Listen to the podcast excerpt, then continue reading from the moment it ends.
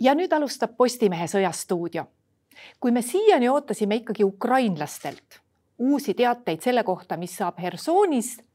siis eile teatas Vene televisioonis üllatuslikult hoopis Vene vägede ülemjuhataja Ukrainas, et nemad hakkavad sealtkandist lahkuma.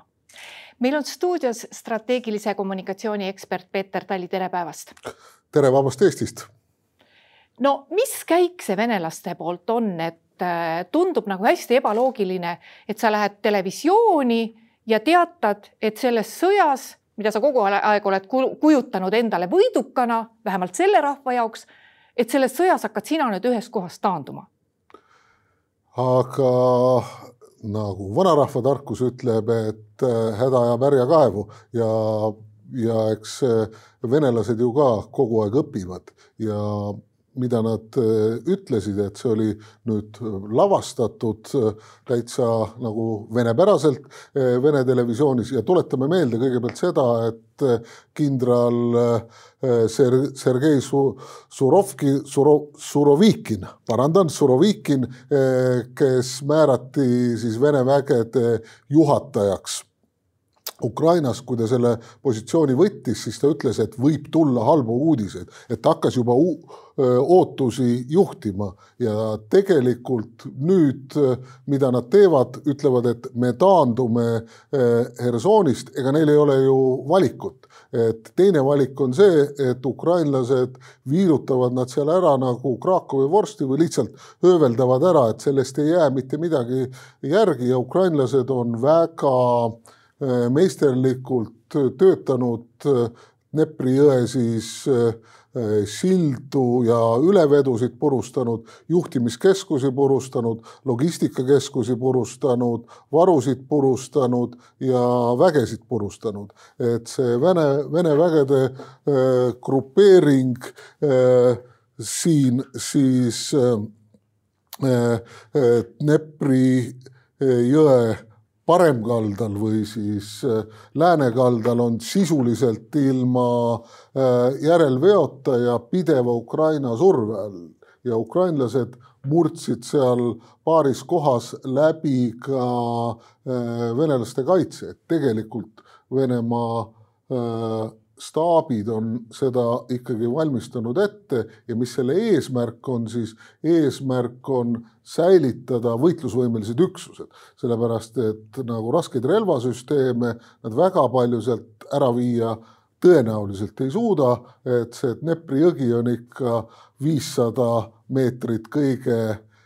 kitsamas kohas ja laiemates kohtades on üle, üle kilomeetri lai, et ega, ega nende niisugune pontoonpraamidega ei ole seda ülemäära lihtne üle vedada. Ja ka see taandumine, organiseeritud taandumine, see on ka tõsine sõjaline operatsioon, keeruline, et see ei lähe üle paanikaks põgenemises ja samal ajal ukrainlased ju ikkagi peenestavad ja,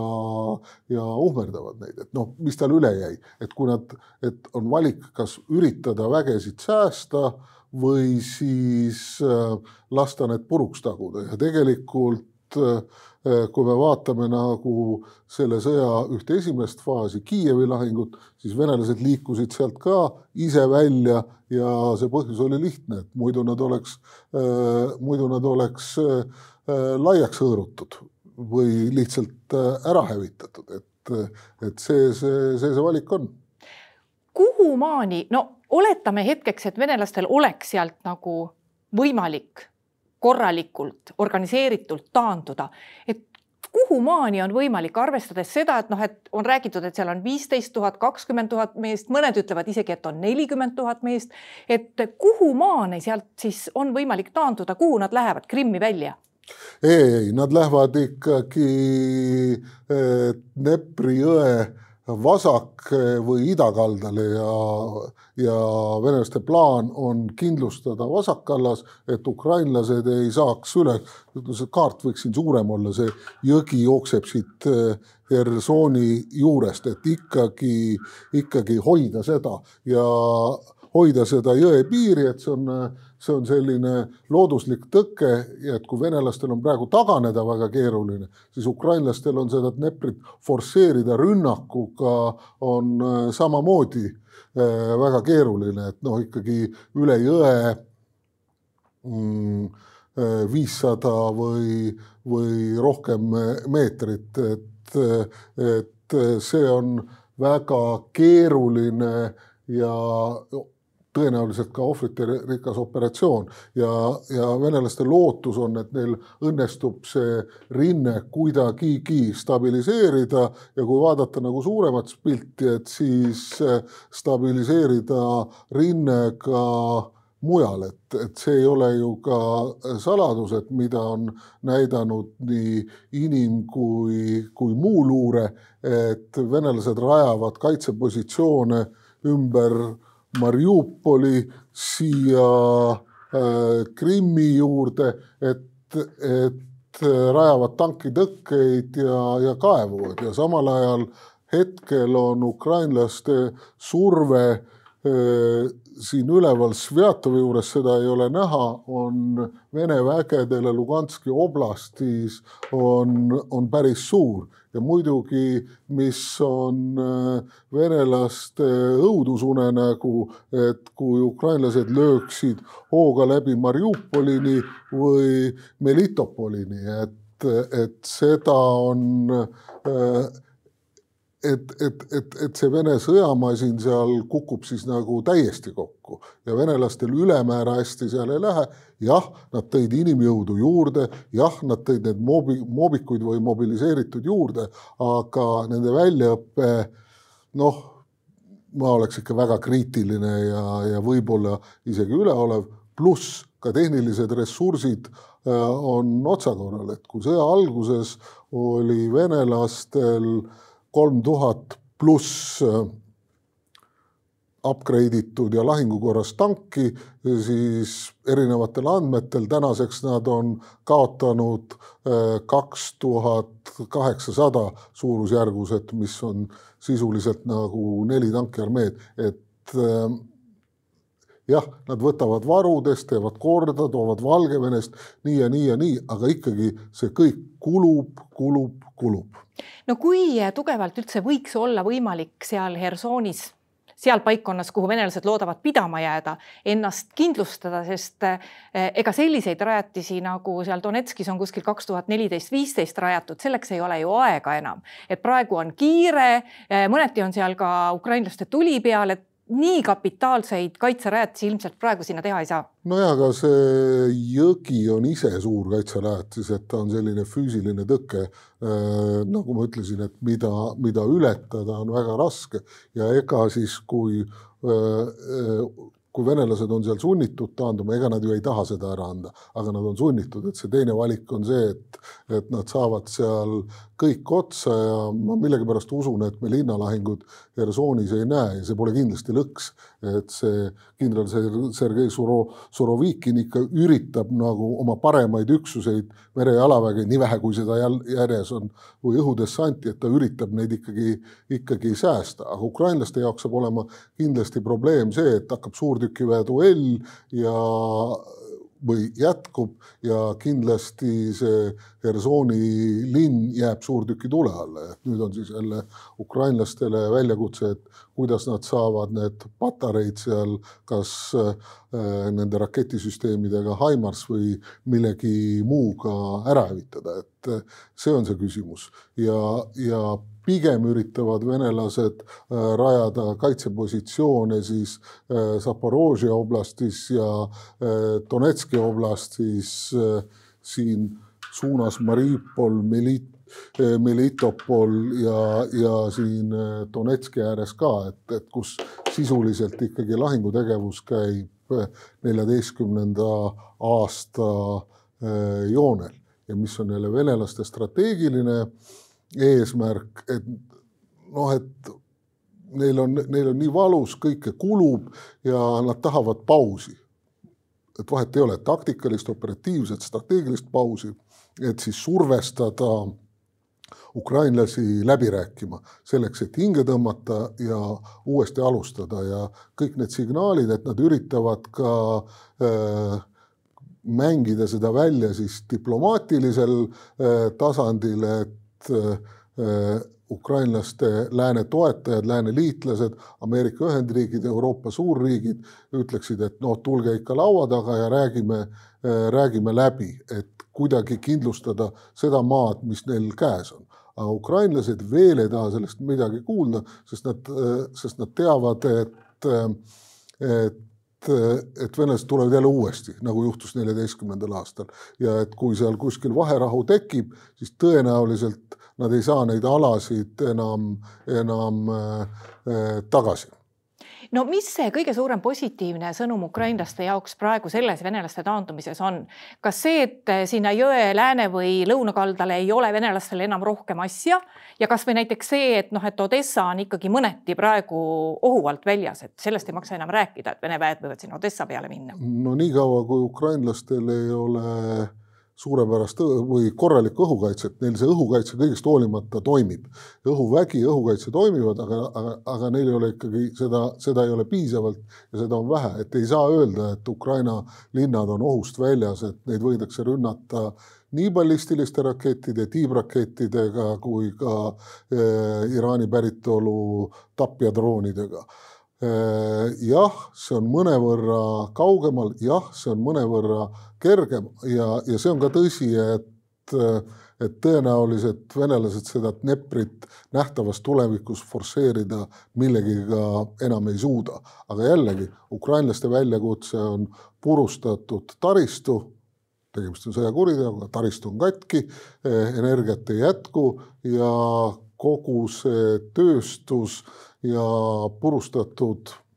infrataristu, et noh, seda tuleb hakata parandama ja üles ehitama ja see on tohutu kallis. aga hea uudis on jällegi see, et kui nüüd ukrainlased liiguvad, liiguvad edasi siia Hersoni alla, et siis nende Haimarsite tegevusraadius tõuseb, et nad saavad mõjutada venelaste siis logistikakeskuseid, üksuste koondumiskohti ja käsuahelat staape eh, pikema maa taha, mis jällegi nõrgendab, et see tähendab, et ukrainlaste taktika on töötanud, et nad hööveldavad, nad, nad sõdivad targalt, et nad hööveldavad selle suure Vene massi ära ja, ja, ja kui venelased mobiliseerivad, saadavad rohkem kahuriliha, et mida siis me saame teha lääneliitlastega? Peame rohkem kahureid saatma kui suur võimalus on ukrainlastel saada see Herson, no ma ei taha öelda nüüd tervena, tervena ei saa sealt midagi kätte, aga ütleme vähemalt äh, paremas seisus kätte, kui on Mariupol. et seal ikkagi midagi püsti jääb mm,? ma, ma tahaksin loota küll, et palju paremas, et, et ma ei usu, et seal tulevad tänavalahingud ja ma ei usu, et ka venelased panevad sinna mingi lõksu üles, mida nad võivad teha, et tõmmata hoogu maha, et nad äh, tõenäoliselt mineerivad ja ukrainlastel kulub päris palju aega, et äh, demineerida ja need miinid, üllatusmiinid, lõhkekehad üles leida, et seda nad äh, tõenäoliselt teevad, aga, aga jällegi, et, et see nüüd järgneb ja nüüd see Herson on ikkagi Vene suurtükiväetule ulatuses, tahad või ei, nii see on, et kui nad tulistavad ja ründavad, ründavad teisi Ukraina linnu, Harkovit ja, ja isegi Kiievit rakettide, droonidega, miks nad ei peaks siis tulistama linna, mis on suurtükiväetule ulatuses? Jah, see on sõjakuritegu, aga jällegi, millal on äh, Kreml ja Putini režiim enne hoolinud äh, rahvusvahelistest kokkulepetest ja Genfi konventsioonist? kui võimalikuks sa pead, et äh, need taganevad Vene väed seal ikkagi oleks võimalik mingiski paigas võtta või ütleme nagu ära tükeldada ukrainlaste poolt ja võtta nad kusagilt seal veel kotti? seda nad kindlasti teevad, nad hävitavad neid nii palju, kui saavad, sellepärast taanduv vägi jälle. Pehme sihtmärk ja kindlasti ukrainlased eh, löövad neid nii ülesõitudel, ülevedudel või koondumisaladel, et eh, et ei ole ühtegi põhjust, miks nad ei peaks tegema. Ja kui isegi Venemaa propagandistid räägivad seal midagi, et eh, äkki see on hea tahe, ei, see ei ole hea tahe, see on Ukraina äh, tark äh, plaan tark taktika ja Ukraina sõdurite vaprus, mispärast nad sealt ära lähevad, venelased, ma mõtlen kuidas lähinädalatel kõik see, mis seal Hersooni, Hersooni kandis praegu toimub, võiks mõjutada arenguid mujal rindel? ja kas mm,? selles mõttes mõjutab, et äh, Venemaa ikkagi üritab rünnata seal, kus ta on ründ-, rünnanud siin äh,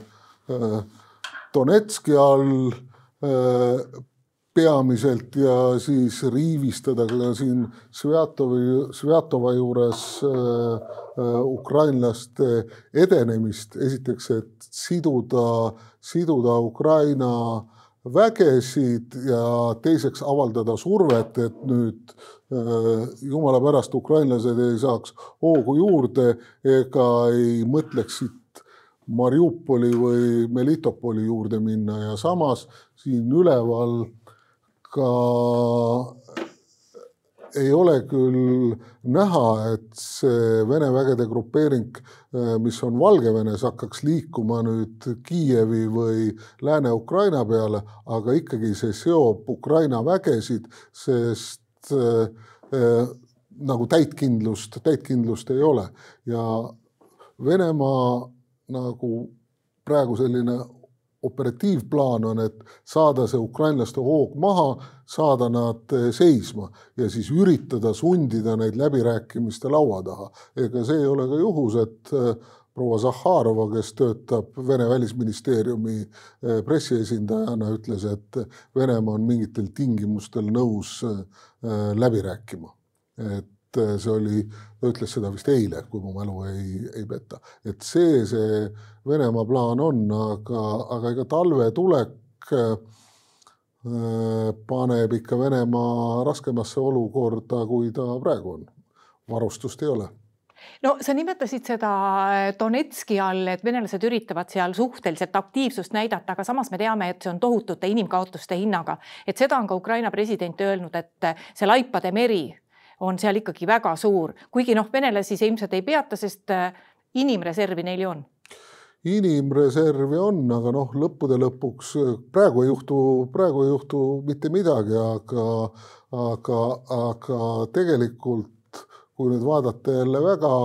pikka perspektiivi, et eks selliseid väikseid võidukaid sõdu, mis halvasti lõppesid, on Venemaal ju küll olnud. kas või Vene-Jaapani sõda eelmi-, eelmise sajandi algusel tuhat üheksasada neli ja viis ja siis Esimene maailmasõda, millega küll, millega siis Vene impeerium nagu korraks lakkas olemas ja siis tõusis nagu uuesti Nõukogude Liiduna. Ja see oli seesama, et, et see olukord ei ole veel käes, aga üheks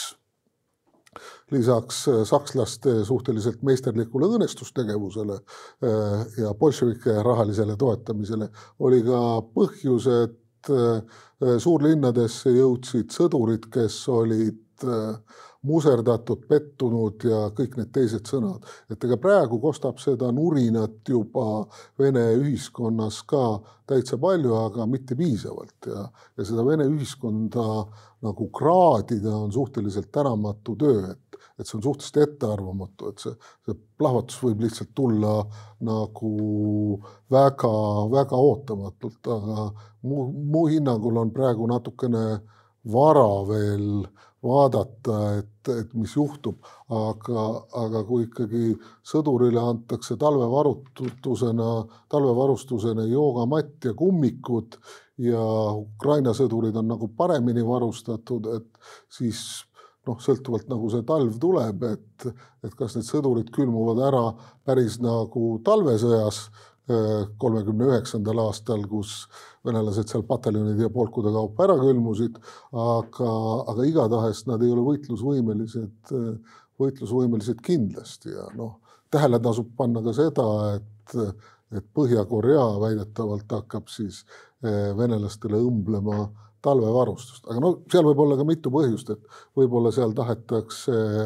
pesta seda, et Äh, Põhja-Korea saadab siis laskemoona ja relvastust Venemaale, kuna noh, Venemaal on otse raudteeühendus äh, Põhja-Koreaga sealt üle Vladivostoki on, et, et noh, kuskilt Venemaa peab relvastust ja varustust ja moona juurde saama, et, et see sõda kulutab seda ikka väga palju. aitäh, Peeter Tali, ühinemast meie saatega. aitäh ka kõigile neile, kes meid vaatasid. Ja nüüd küll veel nii palju, et meie järgmine otsesaade on tõesti alles homme, aga seniks lugege uudiseid postimees.ee